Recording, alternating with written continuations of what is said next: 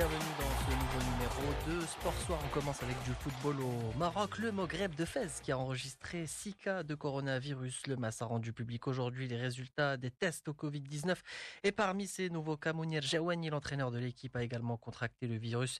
En plus de l'ex-coach de la Renaissance sportive de Berkane, cinq autres membres du MAS, dont quatre joueurs et un préparateur physique, ont été testés positifs au virus après leur test effectué hier. Un coup dur pour le Maghreb de Fès à quelques jours de leur premier match de la reprise prévue dimanche à partir de 17h à Fès contre l'association sportive de Salé. Les dirigeants du MAS ont d'ailleurs effectué une demande auprès de la Fédération royale marocaine de football afin que la rencontre puisse être reportée puisque le reste de l'effectif devra être mis en quarantaine. Rappelons que le Maghreb de Fès, qui espère retrouver la Botola Pro la saison prochaine, avait perdu deux points au classement général après la décision de la commission d'appel de la FRMF dans l'affaire du match contre le Shabab Rif d'El Husseima. Les jaunes et noirs sont cependant toujours en tête du classement avec 39 points en compagnie du Shabab d'El Mohammedia. Football en Tunisie avant d'aller en Europe. L'espérance sportive de Tunis a laissé filer un jeune prodige en Europe en fin de contrat avec le club de la capitale. Raed Fada a décidé de rejoindre le championnat croate. Le jeune joueur va désormais porter le maillot du locomotive Zagreb, troisième du dernier exercice et qui disputera les qualifications pour l'Europa League cet été. Un contrat de trois ans devrait être signé entre les deux parties. Malgré une offre de la part de l'Espérance de Tunis pour signer un nouveau contrat, Raed Fada a visiblement été séduit par le challenge européen.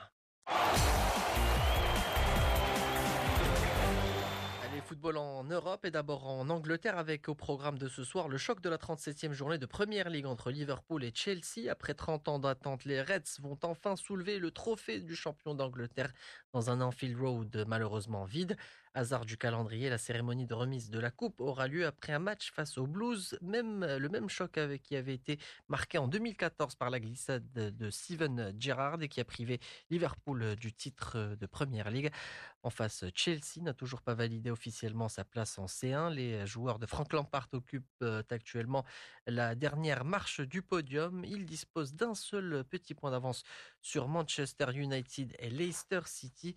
Cette rencontre face à Liverpool s'annonce donc déterminante quant au classement final des Blues qui reviennent en force depuis la reprise du championnat et qui gardent un œil sur la rencontre qui se joue en ce moment entre Manchester United et West Ham. Euh, c'est la mi-temps et euh, les deux clubs sont toujours à 0 à 0. Du côté de l'Italie, suite aujourd'hui de la 35e journée de Serie A, plusieurs rencontres sont au programme. L'Inter Milan, deuxième au classement général, tentera de se rapprocher provisoirement de la Juventus de Turin.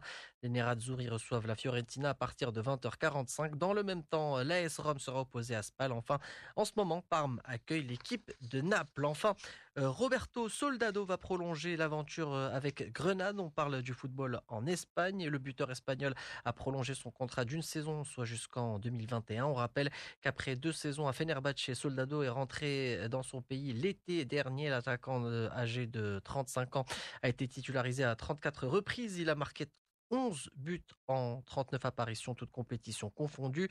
Des prestations qui ont visiblement convaincu son club de poursuivre l'aventure avec lui.